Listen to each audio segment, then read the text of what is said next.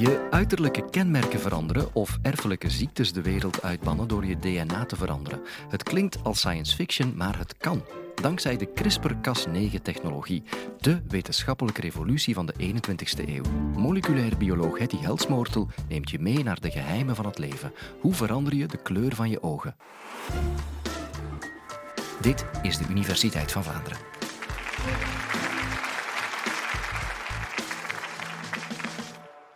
Misschien heb je er ooit van gedroomd dat je krullend haar had in plaats van stijlhaar. Of net andersom, juist zoals ik. Of misschien wilde je dat je 10 centimeter groter was, of dat je blauwe ogen had, of dat je superintelligent was. Wie wij zijn en hoe wij eruit zien, dat wordt voor een groot stuk bepaald door ons DNA. En dus rijst de vraag, als we dat DNA zouden kunnen aanpassen, zouden we dan ook onze uiterlijke kenmerken kunnen veranderen? Of onze innerlijke kenmerken misschien. Sterker nog, misschien kunnen we wel erfelijke ziekten die zich ook ergens in dat DNA schuilhouden, misschien kunnen we die wel uit de wereld helpen.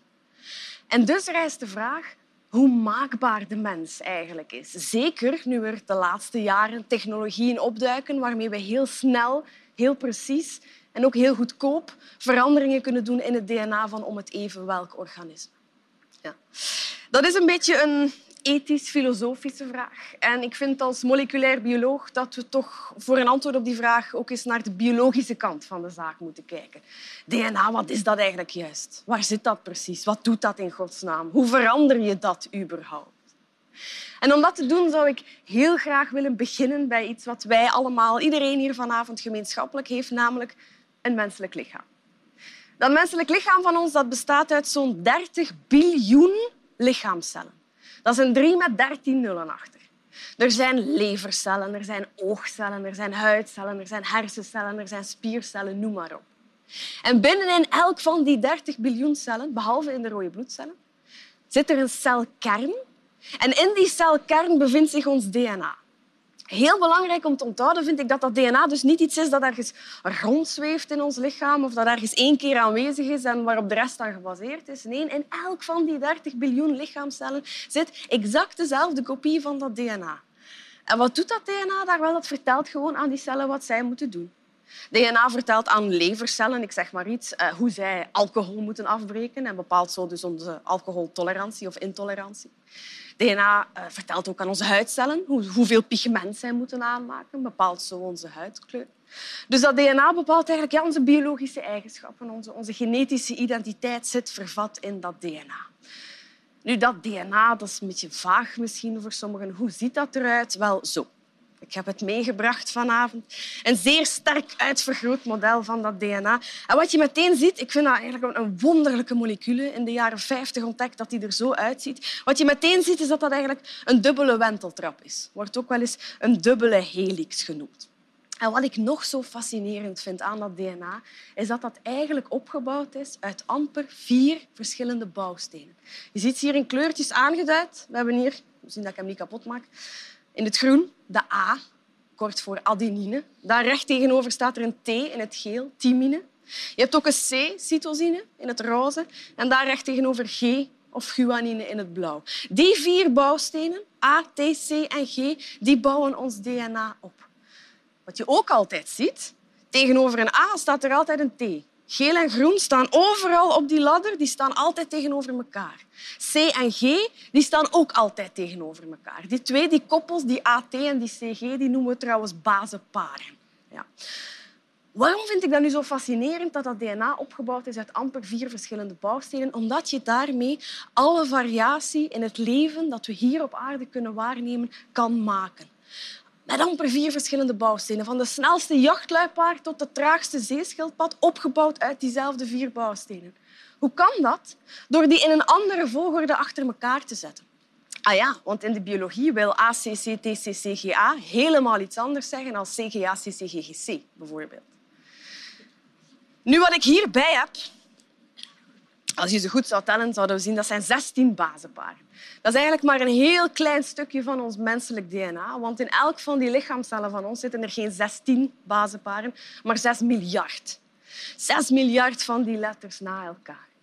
En van die 6 miljard bazenparen weten we eigenlijk van de overgrote meerderheid helemaal niet wat dat daar zit te doen.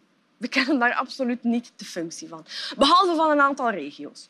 5000 letters hier, 10.000 letters daar, 30.000 letters daar. Daarvan weten we wel exact wat ze doen en welke functie ze hebben en welke kenmerken ze beïnvloeden. En dat zijn onze genen.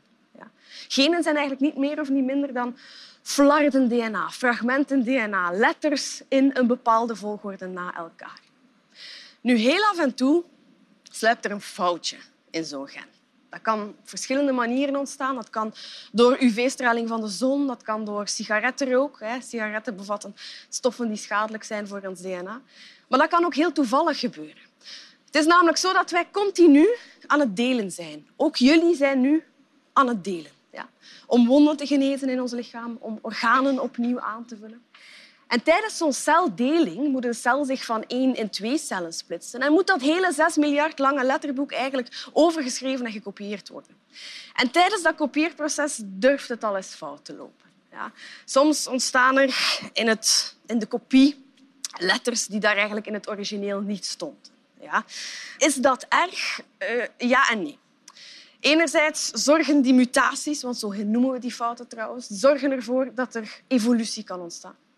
Die mutaties die zijn de reden waarom wij hier zijn, waarom wij geëvolueerd zijn uit de gemeenschappelijke voorouder van de apen. Die mutaties die zorgen voor variatie in soorten, zorgen voor variaties in oogkleur, in haarkleur, in intelligentie, in lichaamslengte. Maar soms is zo'n foutje wel een probleem.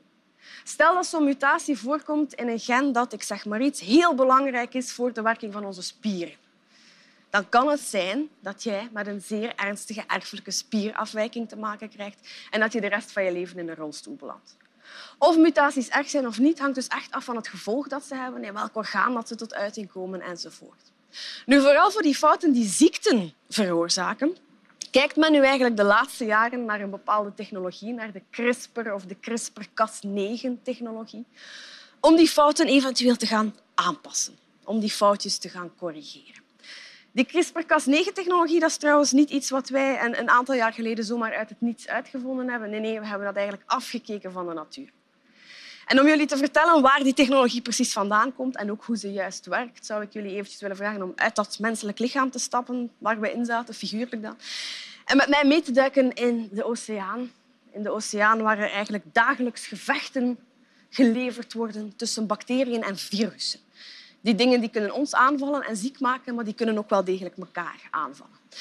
Virussen die worden door biologen eigenlijk niet echt als levende wezens beschouwd. Waarom niet? Omdat die zichzelf niet kunnen voortplanten.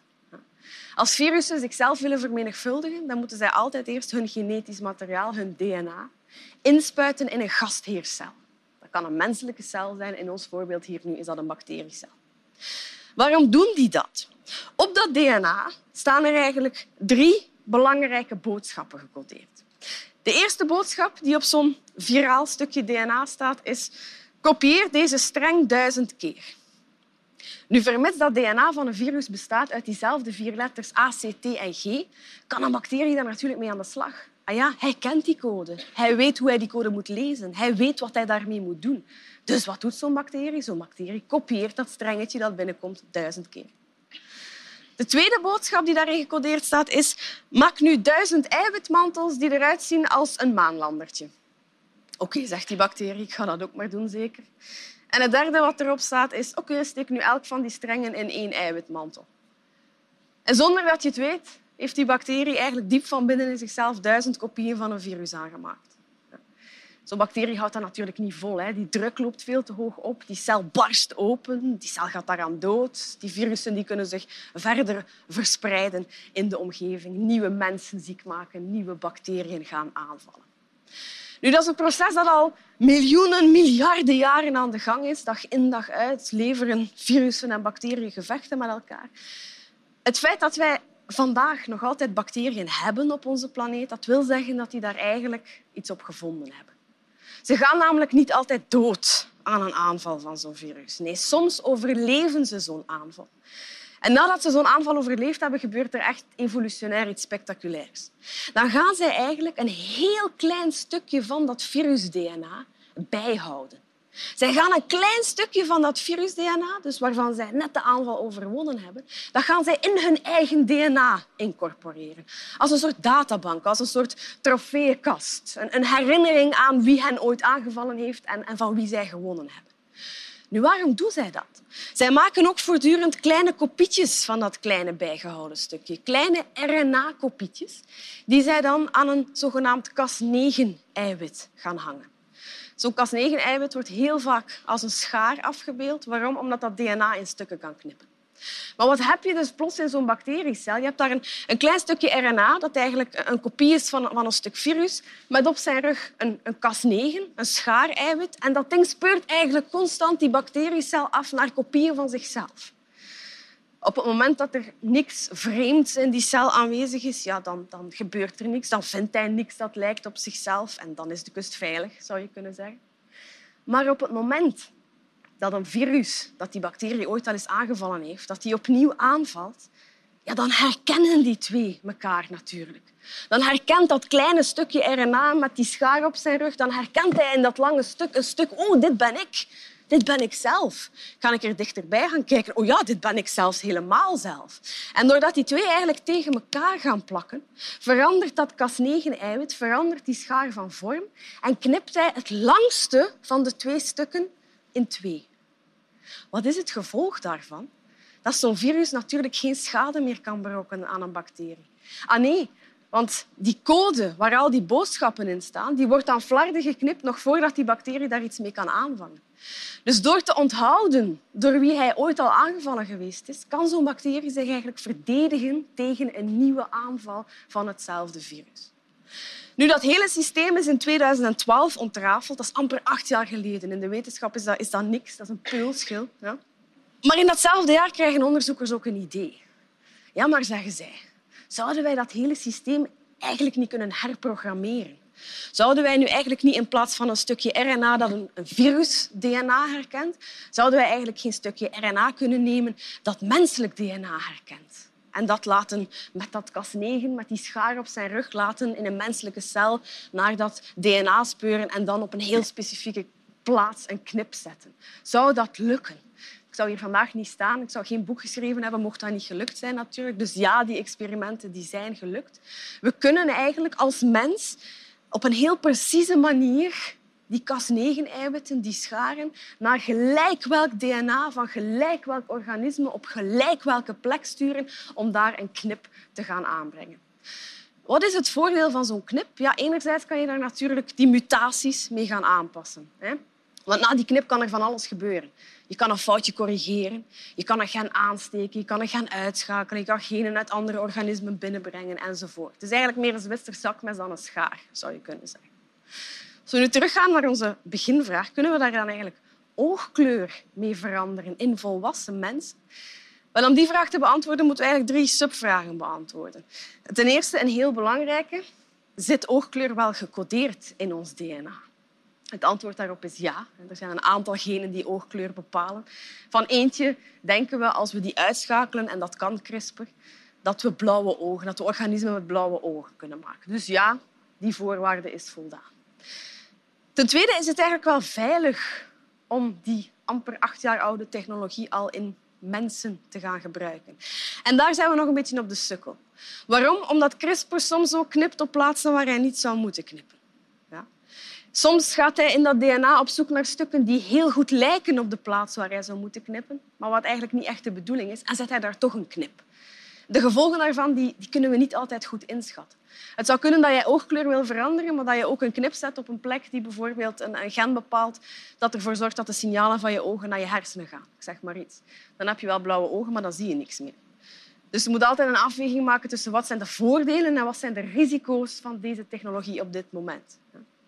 En een derde vraag, derde technische horde waar we tegenaan lopen, is hoe krijgen we dat hele CRISPR-pakket op de plek waar het moet zijn? En daarmee bedoel ik helemaal aan het begin heb ik verteld, DNA zit in al onze lichaamcellen.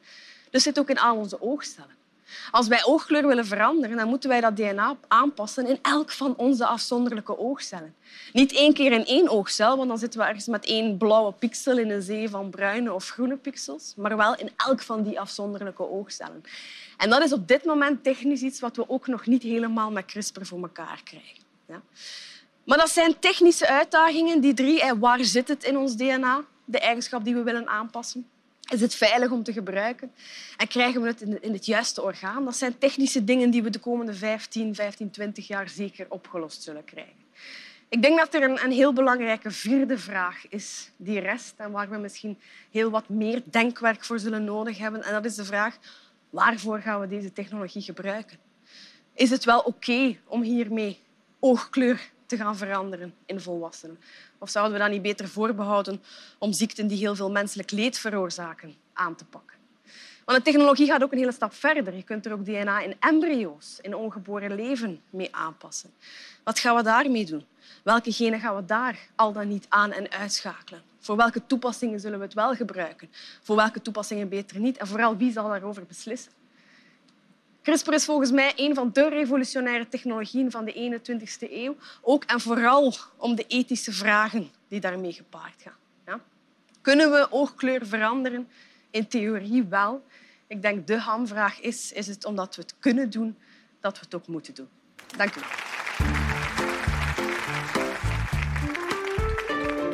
Alhoewel ik best wat gespierder zou willen zijn, blijf ik voorlopig toch liever mezelf. Maar zou je topsporters kunnen bouwen in een labo? Bestelde de vraag aan sportwetenschapper Wim de Raven. Beluister snel podcast 141.